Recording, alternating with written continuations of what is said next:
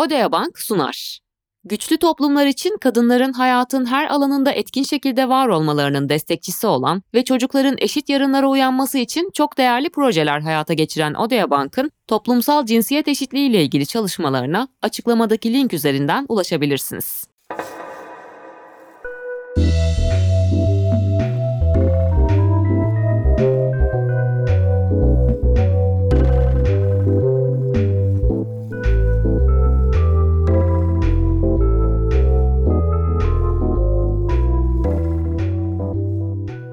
Merhaba, Kurumsal Yaşamda Kadın podcast serimizin bu bölümünde sizlerle beraber Türk kültürünü inceleyeceğiz. Bu ilk bölümümüz olduğu için e, öncelikle kültürümüzü tanımanın, anlamanın ve e, içinde bulunduğumuz ülkedeki kültürün bizim kadınlar olarak kadınların kurumsal yaşamdaki hayatlarını nasıl şekillendirdiğini anlamamız iyi olur diye düşündük. Bugün önce kültürü tanımlayacağız. Daha sonra kültürün en bilinen boyutları üzerinden kültürün derinlerine ineceğiz, anlamaya çalışacağız. Kültürün ülkemizde kadının kurumsal yaşamdaki tecrübelerini nasıl etkilediğini inceleyeceğiz. Ve kültürle şekillenen kadın algısı nedir? Kadına atfedilen roller nelerdir? Ve toplumumuzda kadından beklentiler nelerdir?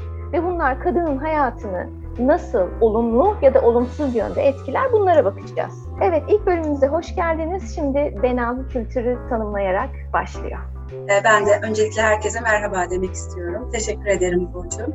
Aslında kültürle ilgili ilk açık ve kapsamlı tanımı biz 1871 yılında Taylor'dan geldiğini görüyoruz. Taylor bize bir tanım yapıyor ve bu tanımda kültürü bilgi, inanç, sanat, ahlak, adet, gelenek ve bir kişinin bir toplumda yaşamasından dolayı kazandığı huylar ve yetenekler olarak tanımlıyor. Dolayısıyla böyle baktığımızda kültür öğrenilen, paylaşılan değerler, inançlar, davranışlar özellikler ve ve bunun sonunda da oluşan simgeler toplamı diye e, tanımlanabiliyor. Böyle baktığımızda bireyleri toplumlardan soyutlayamadığımız için toplumların içinde bireyler yaşarken aslında yoğun bir etkileşim içindeler. Dolayısıyla kültür de söz konusu yapı içinde zamanla evrimleşiyor, gelişiyor ve değişiyor. Bunun yanı, bunun yanı sıra toplum içinde kültürel özellikler de birbirini etkileyerek yıllar içinde değişime uğrayabiliyor. Böyle baktığımızda aslında bir toplumun üyelerinin doğal çevrelerinden elde edebilecekleri doyumu arttırmak için de aslında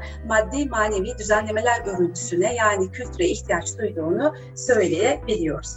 Bu bağlamda aslında kültür toplumlarda hem yol gösterici bir felsefe hem bir grup insan tarafından kurulan, kuşaktan kuşağa da aktarılan bir yaşam tarzı bir anlayış biçimi ve bununla birlikte tabii ki insanların etkileşimiyle süregelen, yıllar içinde değişen bir yapı olarak ifade edilebilir. Böyle baktığımızda tabii ki kültürü, bilgi, anlayış, uygulama çevresinde bir beden olarak düşünmemiz gerekiyor. Söylediğimiz gibi gelenekler, görenekler, yaşam biçimleri, davranışlar, seremoniler, ananeler tamamı kültürün içinde, kültürü bir beden olarak düşünürsek bunun içinde yer alan birer uzuvlar olarak değerlendirebiliriz. Peki kültür nasıl şekilleniyor? Bu kadar ifade ettiğimiz birçok yapıdan oluşan kompleks bir şey aslında ifade eden kültür nasıl şekilleniyor diye baktığımızda bu konuda ben biraz sözü sana bırakmak istiyorum. Nasıl şekilleniyor? Sen biraz bize aktarır mısın? Teşekkürler Bena. E, kültürün nasıl şekillendiğine hemen bakacağım. Ama şöyle de bir şey var aslına bakarsanız. Kültür mü davranışlarımızı şekillendiriyor, davranışlarımız mı kültürü şekillendiriliyor? Hani bu böyle tavuk mu yumurtadan, yumurta mı tavuktan gibi de düşünebiliriz. Çünkü kültür gerçekten kültüre mensup olan kişilerin davranışlarını, kararlarını, o kültürdeki kavramları, kurumları, uygulama ve pratikleri şekillendiriyor. Kültür nasıl oluşur? Bu soruya döndüğümüz zaman kültürün insanlar arasındaki etkileşimle şekillendiğini görüyoruz. Kültürel bilgi insanlar arasındaki sosyal etkileşimde üretiliyor ve üretildikten sonra da insandan insana aktarılıyor. Böylelikle de aynı coğrafi bölgede üretilen bilgi o bölgede yaşayan insan topluluğunun kültürü haline geliyor. Türk kültürü gibi, Alman kültürü gibi örnekler verebiliriz. Ve hepimiz genleri biliriz. Genetik bilginin genlerle kuşaktan kuşağa aktarıldığını da biliriz. Her çocuk anne ve babasının genlerini alır ve o genlerle şekillenir e, genetik bilgisi. Dawkins diyor ki, genetik bilgiyi taşıyan genler gibi kültürel bilgiyi de taşıyan memler var. Biraz bu memlerden bahsetmek istiyorum. Bu kültürel bilgiyi taşıyan birim olan memler taklit yoluyla yani etkileşimde etkileşimle insandan insana atlıyorlar. Örnek verelim. Şimdi gençler arasında Kore pop'un, Kore e, yaşam tarzının popüler olduğunu görüyoruz. Bu davranışta, bu modada diyelim, gençten gence atlıyor. Şimdi peki bu memlerden hangileri kalıcı oluyor da e, kültürün kalıcı bir parçası haline geliyor? Hangileri kaybolup gidiyor? Buna bakacak olursak e, memlerin aslında bencil olduklarını görüyoruz. Hayatta kalmaya çalıştıklarını görüyoruz. Bu küçük kültürel bilgi parçacıklarının. Fakat kuvvetli memler kalıcı oluyor. Kültürün bir parçası haline geliyor. Zayıf memler kayboluyorlar. Adapte olanlar kalıyor, olamayanlar gidiyor. Seçici baskıya dayananlar kalıyor, dayanamayanlar gidiyor. Memlere örnek verecek olursak sloganlar, şarkılar, moda, mimari, yapı bunların hepsi meme örnek. Yani aslına bakarsak memler vasıtasıyla kültürün evrimleştiğini söyleyebiliriz. Çünkü yeni memler üretildikçe kültür de değişiyor. Şimdi ben kendi çocukluğuma baktığım zaman ve şimdi kızımın çocukluğuna baktığım zaman pek çok şeyin değiştiğini görüyorum. Kültürün bazı temel özellikleri aynı fakat bazı kültürel bilgilerin de değiştiğini hepimiz gözlemliyoruz yaşam içinde. İşte bu da yeni memlerin kültürü farklı şekillere doğru evrimleştirmesiyle oluşuyor. Dedik ki kültür insanlar arasındaki etkileşimle her gün yeniden üretiliyor, yeniden şekillendiriliyor. Kültür yaşlılardan gençlere aktarılıyor, gençlerden gençlere aktarılıyor ve gençlerden yaşlılara aktarılıyor. Hemen buna bir örnek vermek istiyorum. Yaşlılarımızın, büyüklerimizin WhatsApp kullandıklarını, WhatsApp kullanırken OK, OMG gibi günümüz kültürüne ait bir takım ifadeleri kullandıklarını görüyoruz. İşte bu da kültürün gençten yaşlıya nasıl aktarıldığını gösteriyor. Kültürü insanlar arasındaki sosyal etkileşim şekillendiriyor dedik. Ayrıca yaşanan toplumsal olaylar ve travmalar da şekillendiriyor. Yani bir dünya savaşı yaşayan coğrafyada, bir savaş yaşayan coğrafyada ya da çok yakında yaşadığımız bir travma olarak pandemi yaşayan coğrafyada elbette ki bu yaşanan toplumsal olaylar ve travmalarda yeni memler üretiyor ve kültür de buna göre şekilleniyor, değişiyor. Son olarak kültürün coğrafi özelliklerle de şekillendiğini görüyoruz. Ee, insan gruplarının içinde bulundukları ve yaşadıkları coğrafya kültürlerinin şekillenmesini sağlıyor. Şimdi bu coğrafi özellikler kültürü nasıl şekillendiriyor? Birazdan örnekler vereceğim. Şimdi sözü tekrar Benan'a ileteyim. Çok teşekkür ediyorum e, bu güzel açıklama için Burcu. MEM konusu hakikaten önemliydi ve kültürün bize nasıl miras geldiğini de somut örneklerle e, belirttin. Peki kültür kadınları nasıl etkiliyor diye baktığımızda biraz daha e, podcastimizin ana temasına döndüğümüzde kadın demiştik. Kültür kadını nasıl etkiliyor? Aslında böyle baktığımızda 20. yüzyılda kadının rollerinde radikal olarak çok az dönüşüm olduğunu söylemek mümkün. Örneğin Amerika Birleşik Devletleri'nde evli kadınların iş gücüne katılımı 1880 yılında %2 iken 2000 yılında bu oranın %73 olduğuna dair çalışmalar var. Söz konusu artış elbette ki zaman dilimine bağlı olmakla birlikte dört temel değişkenle de açıklanıyor. Yani yapılan araştırmalar dört temel değişkenin kadının iş yaşamına katılımında çok etkili olduğunu ifade ediyor. Bunlardan ilki hizmet sektöründeki yükseliş. Hizmet sektörünün büyümesi kadınların söz konusu alanda istihdamını arttırdığı için bu alanın e, büyümesiyle beraber kadının iş hayatına katılımının da arttığını söylemek mümkün. Bir diğeri zaman ve enerji tüketen ev işlerinin azalmasını sağlayan teknolojinin yaygınlaşması. Yani e, eskisi gibi anneannelerimiz döneminde olduğu gibi ya da onların anneanneleri döneminde olduğu gibi çamaşırlar, bulaşıklar artık elde yıkanmıyor. Ve hatta artık bizim cep telefonlarımızdan komut vererek evlerimizi temizlettiğimiz, sildiğimiz, süpürdüğümüz e, robotlarımız var. Ve bunun da giderek artacağına dair e, öngörüler, varsayımlar var. Hal böyle olunca kadının ev içindeki yükünün azalması aslında iş hayatına daha fazla zaman ayırması yönünde de bir etkide bulunuyor diyebiliriz. Üçüncüsü kadınların doğurganlıklarının kontrol edilmesine izin veren tıbbi gelişmelerin olması. Yani artık kadınlar doğurganlıklarını kontrol edebiliyorlar. istedikleri zamanda, istedikleri yaşta ve istedikleri sayıda çocuk sahibi olabilme imkanına kavuşuyorlar. Bir diğeri de hukuki ve sosyal kültürel değişiklikler. Yani aslında bizi en çok ilgilendiren değişiklikler değişiklikler. Söz konusu sosyal ve kültürel değişikliklerin varlığı da yani kadının iş yaşamına katılımını onaylayan kültürel değişikliklerin, kültürel belleklerin varlığı da kadınların iş hayatına etki et, e, girmesine etki ediyor diyebiliriz. Tüm bunlarla beraber az önce söylediğim gibi o 1880'den %2'lik dilimin 1900'li yıllarda, 2000'li yıllarda sadece %73'e çıkmasının altında e, kültürel değişikliklerin evrimsel olarak çok yavaş olduğunu söylemek mümkün. Yani bizim zannettiğimiz gibi kültürel değişiklikler çok hızlı gerçekleşmiyor. Zihinlerimiz çok hızlı evrimleşmiyor. Bir konudaki düşüncemiz, kalıp yargılarımız ve ön yargılarımız çok hızlı değişime uğramıyor.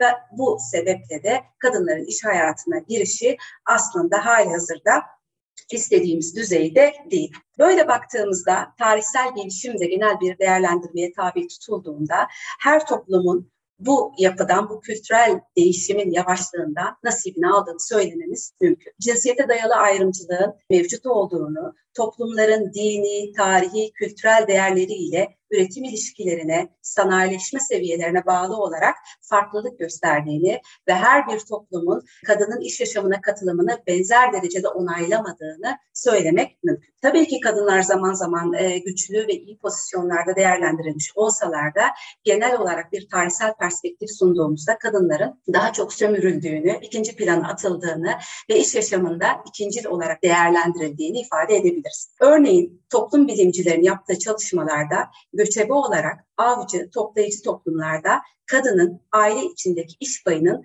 daha çok ve önemli olduğunu belirtiyorlar.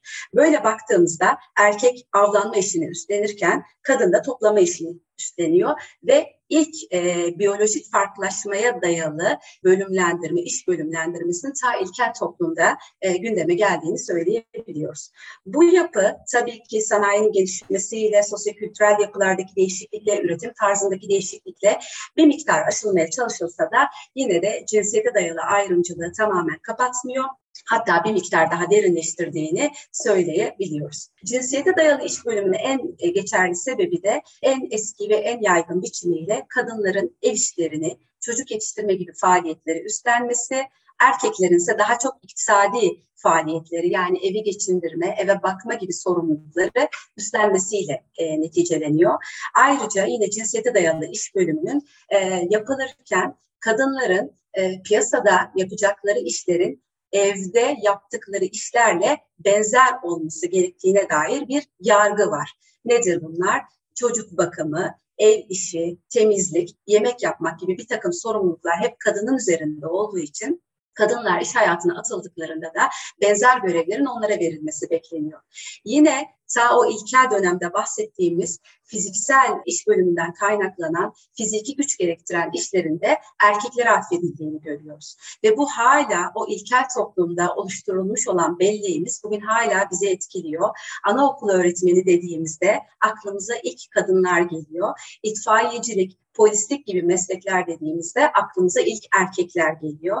Yine para kazanılması gereken, büyük miktarda para kazanılması gereken ve e, daha çok hırsa, başarıya, gelişmeye dayalı meslekler aklımıza geldiğinde mühendislik, tıp eğitimi gibi mesleklerde yine erkeklere atfedildiğini, yarı zamanlı e, çocuk bakımı, büro asistanlığı, büro yöneticiliği, sekreterlik, kütüphanecilik gibi meslekleri düşündüğümüzde de yine ilk aklımıza gelen figürün kadın olduğunu söylemek mümkün. Hal böyle olunca da aslında bizim o ilkel zihnimizde oluşan, e, kültürel belleğimizde yer edinen kadın ve erkeğin iş bölümü e, maalesef bugün e, bu yüzyılda da bizi etkiliyor ve kadın erkekle ilgili yapıların neler olması gerektiğiyle ilgili bize bir aslında kötü de olsa fikir veriyor diyebiliriz. Peki bunun sonucunda e, tüm bu anlattıklarımdan böyle bir tarihsel perspektif sunacak olursak nasıl oldu, benim bu anlattıklarım evre evre nasıl gerçekleşti diye e, bir toparlayacak olursak sanıyorum Burcu sen de bu konuda bana yardımcı olursun. Tabii seve seve. Aslında biz bu gelişimi üç bölümle inceleyebiliriz. İlki anaerkil dönem. Anaerkil dönemde insanların küçük topluluklar halinde yaşadıklarını görüyoruz. Dolayısıyla aile birimi toplumsal hayatta çok önemli. Toplumsal yaşamın aile ekseninde döndüğünü görüyoruz. Erkekler ava gidiyorlar, kadınlar toplamadan sorumlular. Yani bir takım e, doğada hali hazırda bulunan bitkileri, meyveleri topluyorlar çanak çömlek üretiyorlar ve bez dokuyorlar. Dolayısıyla kadın üretim süreçlerinde aktif olarak rol alıyor. Bunun yanı sıra soyun devamının da e, kadına bağlı olduğu düşünülüyor. Çünkü kadın doğurgan, doğuran kişi kadın. Dolayısıyla bu ana erkil dönemde kadının toplumsal rolünün çok önemli olduğunu görüyoruz. O yüzden de zaten anaerkil dönem diye adlandırılmış. Fakat sonra zamanla teknik beceri artıyor. Nedir teknik becerinin artması? Saban gibi bir takım tarımda kullanılabilecek araçların üretimi. Bu araçlar üretildikçe ve yerleşik hayata geçildikçe, tarım toplumu oluştukça insanlar tarım yoluyla geçimlerini sağlamaya başladıkça da aslına bakarsanız yeni bir dönem başlıyor. Hatırlarsanız hani kültür nasıl oluşuyor dediğimizde ben toplumsal olayların, toplumsal gelişmelerin kültürü şekillendirdiğini söylemiştim. İşte tarım toplumuna geçiş yani teknik becerinin artması, yerleşik e, düzene geçilmesi de kültürü şekillendiren bir olay. Ama maalesef kadının dezavantajına şekillendiriyor kültürü. Şöyle ki erkek tarım yapan ve aileye bakan kişi durumuna geliyor. Kadın ise üretim süreçlerinde aktif değil, daha pasif, evde ev işleri ve çocuk bakımıyla meşgul. Yani e, Benancığım senin söylediğin noktaya geliyoruz. Toplumsal olarak roller yeniden şekillendiriliyor ve toplumsal rollerin kültürel olarak yeniden şekillendirilmesiyle kadının eve hapsedildiğini, çocuk ve ev işlerinden sorumlu tutulduğunu görüyoruz. Toplumsal iş bölümü şöyle yapılıyor. Aynen senin söylediği gibi erkek para kazanacak, kadın çocuk yetiştirecek ve evden sorumlu olacak. Feodal dönemde kadının iş hayatında varlığını görüyoruz ama şöyle ki ev işi yapıyor.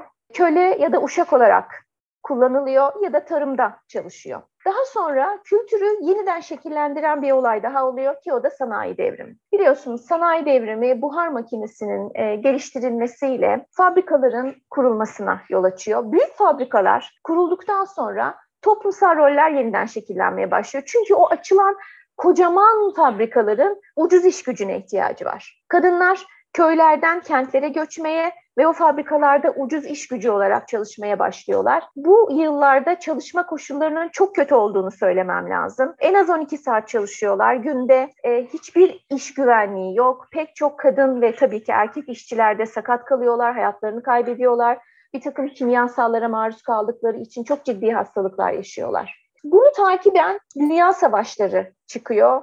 Ee, ve e, erkekler cephede savaşırken fabrikaların durmaması gerekiyor. Çünkü fabrikalar silah, silah üretiyor, mermi üretiyor, araç üretiyor. Kadınların tekrar iş gücüne dahil olduklarını görüyoruz böylece. Erkekler cephede olduğu için kadınlar artan oranda fabrikalarda çalışmaya başlıyor. Savaşlardan sonra eğitim herkes için daha ulaşılabilir olmaya başlıyor ve kadınların daha uzun süre eğitim almaya başladıklarını görüyoruz. Daha uzun süre eğitim alan kadın da tabii ki daha nitelikli bir şekilde iş hayatında var olmaya başlıyor. Bu arada bir takım öncü devletler çalışma koşullarını düzenleyen bir takım yasalar yapıyorlar.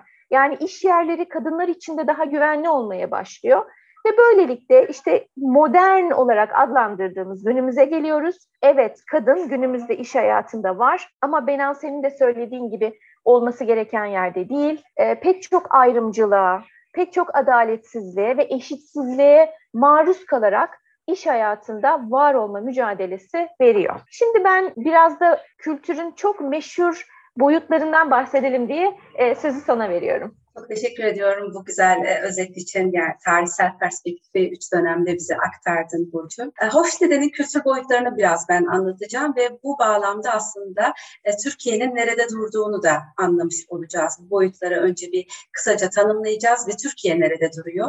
E, Türkiye'nin nerede durduğunu söyledikten sonra da aslında kadın nerede duruyor? Peki Türkiye'de kadın nerede duruyor? Biraz buraya bakacağız. Ama öncelikle e, çok atıf alan literatürde kültür dediğimizde çok önemli bir yeri olan Hofstede'nin çalışmasını e, muhakkak burada bir böyle kısaca üzerinden geçmemiz gerekiyordu. O yüzden burada e, yer vermeyi de uygun buldum. Şöyle değerlendirdiğimiz örgüt kültürüyle ilgili ilk çalışmayı aslında 1967 yılında uluslararası bir firma olan IBM'de, IBM'in 116 bin çalışanında dört ayrı bölgede e, bir çalışma çalışmayla Hofstede ve arkadaşlarını gündeme getirdiğini söyleyebiliriz. Bu çalışmayı yapmalarının amacı insanların yani dört farklı ülkede çalışan 116 bin çalışanın iş yaparken e, mesleklerinde, iş ahlaklarında, iş tutum ve davranışlarındaki farklılıkların nedenlerini ortaya koymaktır. Dolayısıyla e, çalışan sayısının çok olması, coğrafi bölgenin dağınık olması sebebiyle de 1967 yılında başlayan bu çalışmalar ancak 1973 yılının sonlarında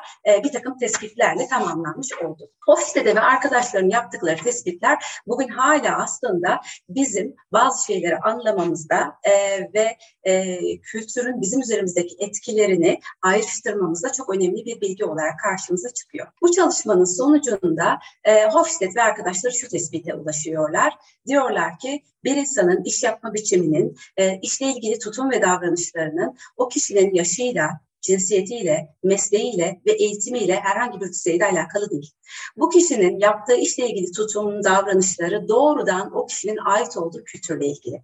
Daha doğrusu o kişinin ait olduğu ulusal değerler sistemiyle ilgili. Hal böyle olunca da Hofstede ve arkadaşları söz konusu ulusal değerler sistemini bize dört kategoride sunuyorlar ve burada da ülkeleri söz konusu değerler sisteminde bir takım yerlere yerleştiriyorlar. Ben biraz bugün bundan da bahsetmek istiyorum. İlk olarak güç mesafesinden bahsediyor Hofstede ve arkadaşları. Bu boyutta bir toplumdaki kurumlar ve örgütlenmeler içinde gücün dağılımının biçimini, gücün farklılıkla mı dağıtıldığı, eşitsizlikle mi dağıtıldığı konusunda bir bilgi veriyorlar ve bunu kabul edilme derecesiyle ilgili tespitlerde bulunuyorlar. Hofstede'e göre güç mesafesinin düşük olduğu toplumlarda hiyerarşinin yarattığı, hiyerarşi rollerinin yarattığı eşitsizlikler azalıyor, gücün kullanımı tamamen hukuki bir yapıya bağlanıyor. Böyle toplumlarda sosyal sistem sorgulanabiliyor ve gücün dağılımı da sosyal sistem e, aracılığıyla da değiştirilebiliyor. Güç mesafesinin düşük olduğu toplumlarda gücün neden olduğu göreceli farklılıkları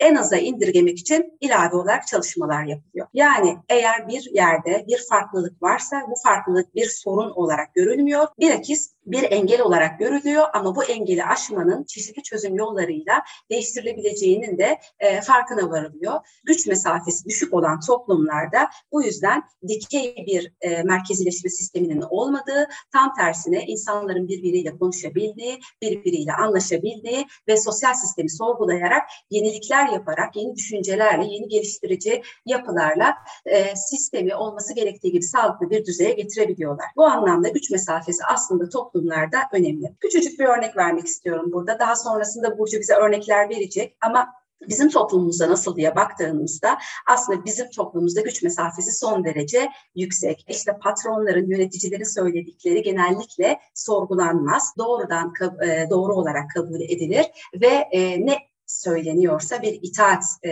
emri şeklinde uygulanmaya çalışılır. Bunun yanı sıra e, yine yöneticilerin muhakkak kendilerine ait siyah bir makam aracı olur. Bu da o gücün belirginleşmesine neden olur. Bunun yanı sıra yine Türkiye'de yöneticilerin, patronların odaları dikdörtgen olarak dizayn edilmiştir ve yöneticiler, patronlar o dikdörtgen odanın en dibinde otururlar. Kişi onlara doğru gelene kadar o mesafede, o yüksek mesafede aslında hal, hareket, giysi gibi bir takım görünür özelliklerine dikkat ederek, tabiri caizse çeki düzen vererek yöneticiye ya da patrona ulaşırlar. Bu anlamda güç mesafesinin bizim gibi toplumlarda bir miktar yüksek olduğunu söylemek mümkün. Bir diğer özellik belirsizlikten kaçınma. Hofstede e, bu boyutu şöyle tanımlıyor. Bir toplumun üyelerinin kesinlik olmayan bilinmeyen ya da belirsizliği yüksek durumlarda kendilerini nasıl hissettikleri, bu durumdan ne ölçüde kaçındıkları aslında belirsizlikten kaçınma boyutu olarak ifade ediliyor. Buradaki temel değişken belirsizlik söz konusu olduğunda kişiler bununla mücadele edip edememe yeteneği geliştirebiliyorlar mı, geliştiremiyorlar mı? Buraya bakmak gerekiyor. Belirsizlikten kaçınmanın düşük olduğu toplumlarda yenilikler ve farklılıklar anlayışla karşılanıyor. Söz konusu yenilikler ve farklılıkların o topluma getirdiği değerler mümkün olduğunca sistem içinde pekiştiriliyor, kurumsallaştırılıyor ve hatta yeni yeniliklerin, yeni farklılıkların ön açılması yönünde de bir takım teşviklerde bulunuyor diyebiliriz. Bu noktada peki biz belirsizlikten kaçınmayı nerede öğreniyoruz diye soracak olursanız aslında ilk olarak ailemizde, sonra toplumumuzda, öğretmenlerimizle, okullarda, çalıştığımız kurumlarda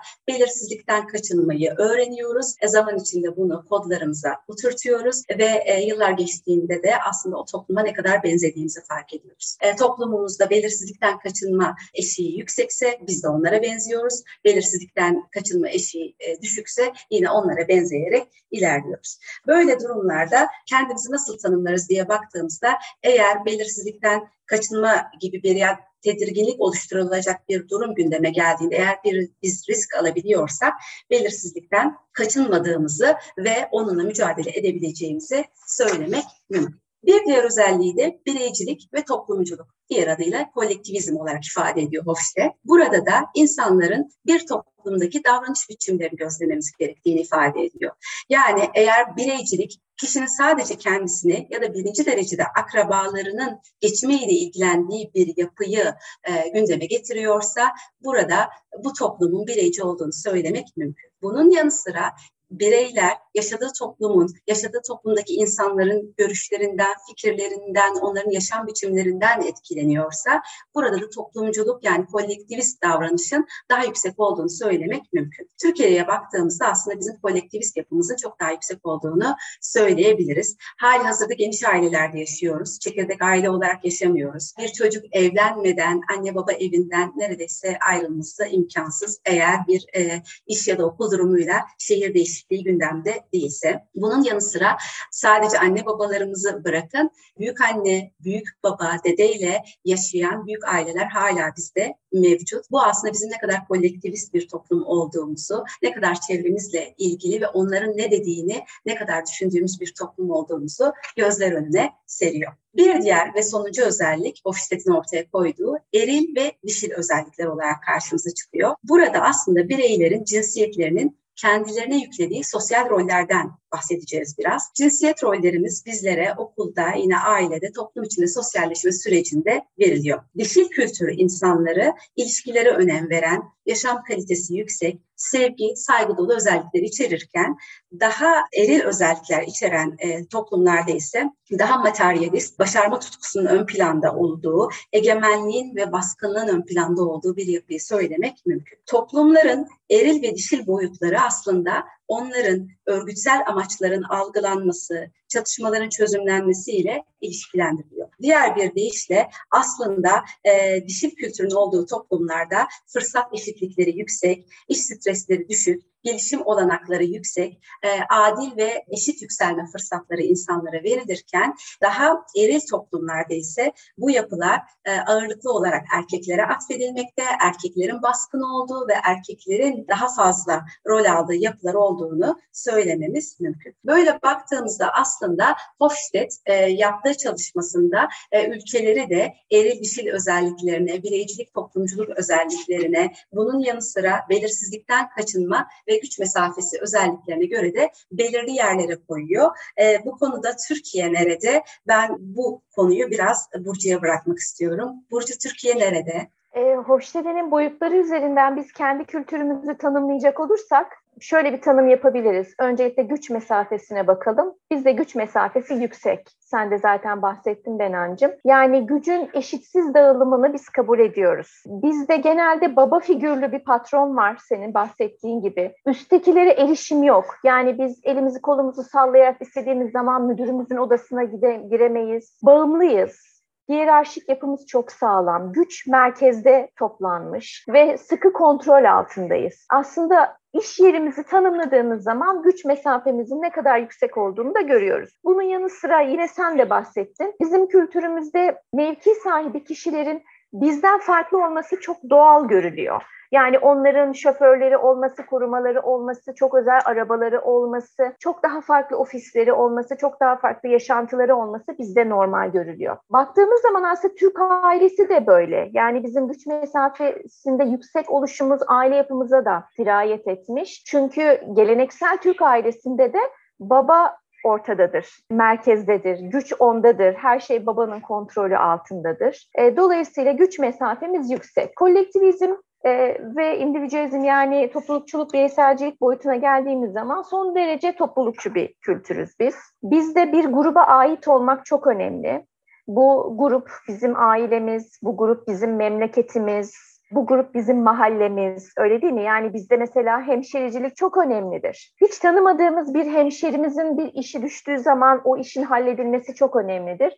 Çünkü bizim için gruba aidiyet çok önemlidir. Grubun onayladığı şekilde yaşamak, grubun onaylayacağı davranışlar, grubun onaylayacağı kararlar almak bizim için çok önemlidir. Çünkü bizde el alem ne der düşüncesi vardır.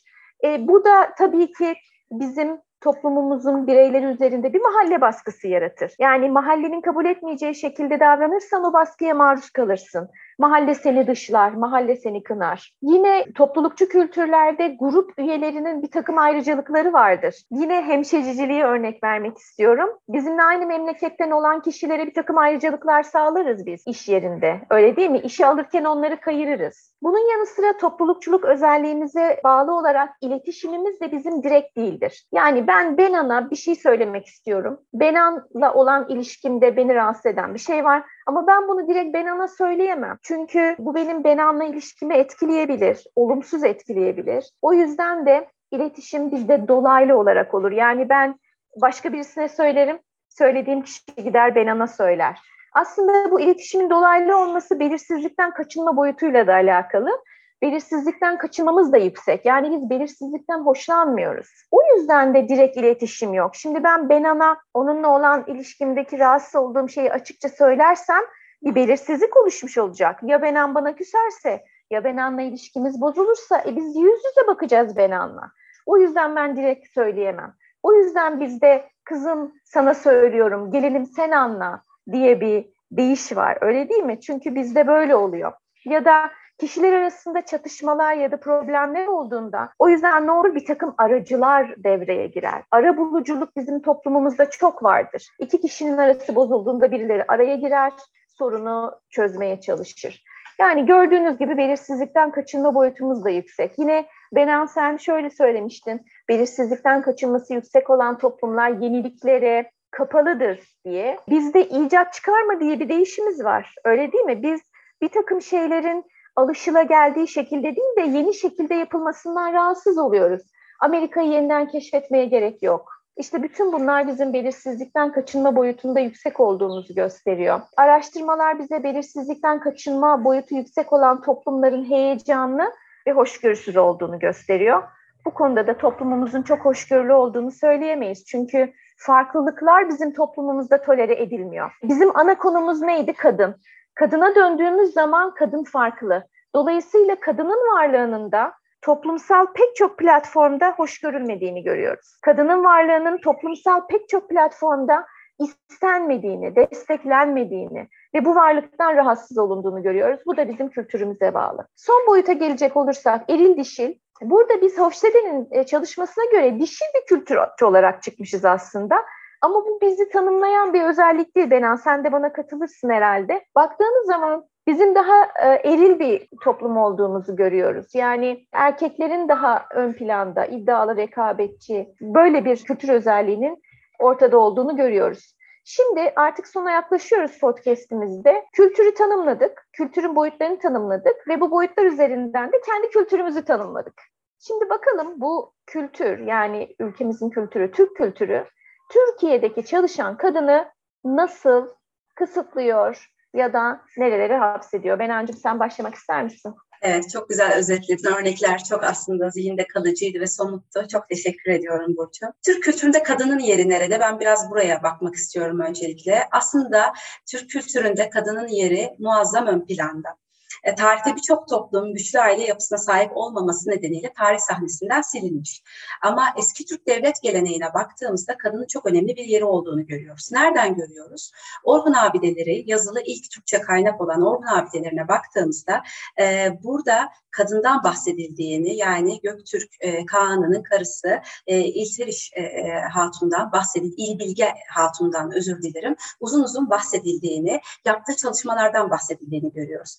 Benzer biçimde daha sonra Bilge Kağan aynı e, kendi adıyla e, kendi adını taşıyan kitabesinde Bilge Kağan kitabesinde yine annesi İl Bilge Hatun'dan uzun uzun bahseder, yaptığı çalışmalardan bahseder. Sadece bununla da kalmaz. Yine Uygur yazıtlarında Dede Korkut hikayelerine baktığımızda ana kavramının hep baba kavramından önce yazıldığını görüyoruz. Yani önce ana, baba. Zaten biz de hala toplumumuzda ifade ederken baba ana demeyiz ana baba, ana babası nerede, analı babalı büyüsün derken ana kavramını aslında ön plana çıkartırız. Bu bizim için ananın, kadının ne kadar önemli olduğunun aslında göstergesi. Yine batılı toplumlarda vatandan bahsedilirken baba vatan diye geçer. Ama Türkiye'de bu böyle değildir. Ana vatan diye geçer. Eski Türk devlet geleneğinde, eski Türk toplumunda kadının çok önemli bir yeri olduğunu bir kere öncelikle söylemem lazım. Ama sonra zaman içinde değişen, gelişen yapılar, o senin bahsettiğin ana erkil toplumdan ataerkil topluma geçişle beraber aslında Türk kültüründe de e, kadına verilen değerin bir miktar azaldığını, bir miktar eşitsizliklerin gündeme geldiğini, özellikle çalışma yaşamına kadının girmesiyle beraber o tek tip homojenize olmuş erkek baskının e, erkek baskın yapının değişmesi münasebetiyle kadın bir yabancı olarak algılanmaya başlanmış ve o yabancıya çok da yer verilmek istenmemiş. E, ama Cumhuriyet'in ilanına baktığımızda e, tüm bu süreçlerin içinde Mustafa Kemal Atatürk, Türkiye Cumhuriyeti'nin kurucusu e, kadına çok önemli sosyal, siyasal ve toplumsal haklar veriyor. Kadına seçme ve seçilme hakkı veriyor. Yine o dönemde kadınlar eşit bir biçimde okula gidebilme, eğitim alabilme imkanına kavuşuyorlar. Bu o eşitlikçi yapıya, e, Türk toplumunu yeniden o eşitlikçi yapıya e, getirmek için aslında bir takım adımlar, önemli reformlar. O dönemde Batı toplumuyla bizi eşdeğer yapacak e, olan ne tür haklar, yönetmelikler, yasalar varsa bunlarla ilgili çalışmaların yapıldığını söyleyebiliyoruz. Bununla beraber şunu da ifade etmem gerekiyor tabii ki. Bugün Türkiye'de çalışma yaşamında kadın bizim istediğimiz, beklediğimiz yerde mi? Hayır değil. E, Türkiye'de kadın çalışma yaşamında beklediğimiz seviyede bir katılım sağlamıyor. Katılım sağladığı yerlerde de eşit iş gücüne, eşit ücret seviyesine ulaşamıyor. Bununla ilgili birçok sorun, birden fazla sorun yaşıyor. Çok olumsuz deneyimlere maruz kalıyor. E, işe hayatında var olabilmesi için bir kere muhakkak eşinden onay almak zorunda kalıyor. Eğer bir evli kadınsa eşi onay verirken o iş yerinin tırnak içinde temiz iş yeri olup olmadığını sorguluyor. Temiz iş yeriyle kastım eşinin oraya güvenle gidip güvenle çalışabileceği bir ortam olup olmadığını muhakkak teyit etmek istiyor. Bu bağlamda aslında kadınlar e, ilanlardan ya da iş başvurularının yapıldığı e, internet alanından çok fazla iş bulma taraftarı olmuyorlar. Genellikle aile, eş, dost, akrabanın onayladığı, refere ettiği kurumlarda e, çalışmak istiyorlar ve özellikle yine kadınlar Türkiye'de e, özel sektörden ziyade kamu sektöründe yer almak istiyorlar. Bunun hem daha itibarlı hem daha prestijli ve hem de daha güvenli yani o temiz iş yeri kapsamında olduğunu düşünüyorlar. E, bu bağlamda da e, tabii ki kadının oransal olarak varlığı iş hayatında maalesef istediğimiz düzeyde değil diyebiliriz. Sen de söylemek istersin. E, aslında tabii e, sen e, çerçeveyi çok güzel çizdin Benancığım. Teşekkür ederim. Gördüğümüz gibi e, içinde bulunduğumuz durum pek de iç açıcı değil, olması gereken değil. E, kadının iş gücüne katılım oranları çok düşük. Katıldığı yerde de e, son derece büyük eşitsizliklerle mücadele ediyor.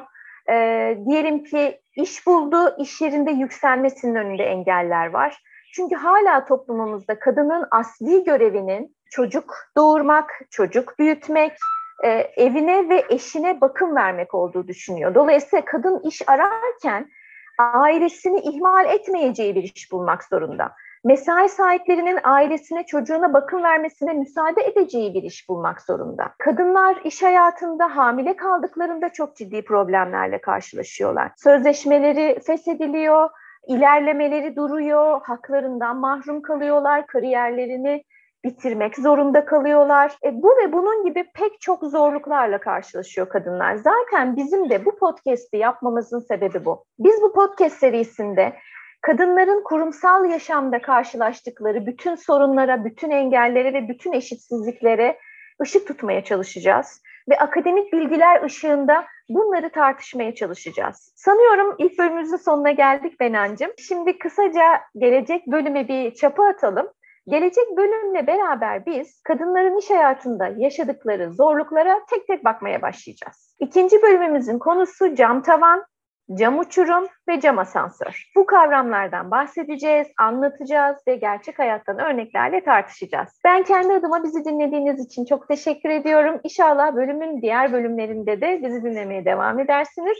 Benancığım sözü sana veriyorum. Ben de çok teşekkür ediyorum Burcucuğum. Çok güzel e, bir programdı, çok güzel bir çekimdi. İlk e, bölümümüz için podcastimiz bence ana temayı vurguladı. İş yaşamında kadın ve kadının yaşadığı sorunlara değineceğiz. Öncelikle bir genel çerçeve çizdik. Kültürümüzde kadının yerini, nerede olduğunu literatürle destekleyerek anlattık aslında.